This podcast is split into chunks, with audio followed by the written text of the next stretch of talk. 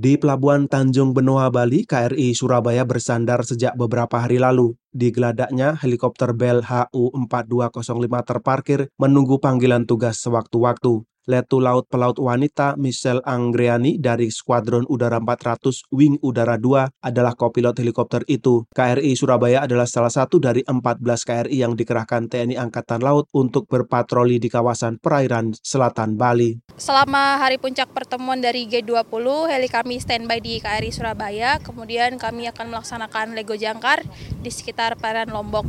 Apabila terjadi emergensi atau hal-hal yang tidak diinginkan, heli kami siap untuk membantu evakuasi. Michelle, penerbang Angkatan Laut asal Papua itu menjadi bagian dari 13.400 personel TNI yang disiagakan untuk pengamanan G20. Selama sekitar satu pekan, dia dan heli yang biasa diterbangkannya mengemban tugas berat. Heli Bell HU-4205 akan menjadi heli VIP movement dan disiapkan untuk evakuasi medis jika hal-hal yang tidak diinginkan terjadi. Panglima Komando Armada 2 Laksda TNI Huta Barat memastikan persiapan 14 KRI telah maksimal. Berbicara di kapal KRI Surabaya, Huta Barat merinci latihan yang telah dilakukan prajurit TNI, khususnya Angkatan Laut. Latihan itu dibagi dalam kelompok L1 yaitu persiapan dan profesionalisme personel, L2 yaitu latihan sebagai tim kapal, dan L3 yang merupakan latihan kerjasama antar kapal. Sesudah itu kami lakukan, lalu kami melaksanakan apa yang disebut latihan pratugas atau uh, LKO latihan kesiapan operasi. Latihan itu yang dikaitkan dengan kegiatan yang akan dilakukan dalam hal ini pengamanan VVIP G20. Operasi TNI AL dilakukan dengan membagi wilayah menjadi sejumlah sektor Kawasan perairan selatan Bali merupakan pusat konsentrasi, tetapi kawasan Bali secara keseluruhan juga menjadi target patroli.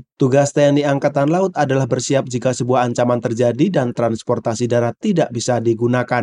Menteri Koordinator Maritim dan Investasi Luhut Binsar Panjaitan memastikan koordinasi pengamanan dilakukan lintas negara. Uh, koordinasi dengan Secret Service dari berbagai negara saya kira berjalan dengan baik. Tidak bisa kita akomodasi semua maunya mereka, tapi ada juga juga to set uh, some extent kita bisa paham. Skema pengamanan juga termasuk pengaktifan teknologi pengenal wajah, terutama di bandara dan pelabuhan laut. Melalui teknologi ini, siapa pun yang datang ke Bali dapat dikenali identitasnya secara otomatis, meski ada konsekuensinya, yaitu hilangnya privasi sebagian masyarakat. Dari Bali, Nur Hadi melaporkan untuk VOA Washington.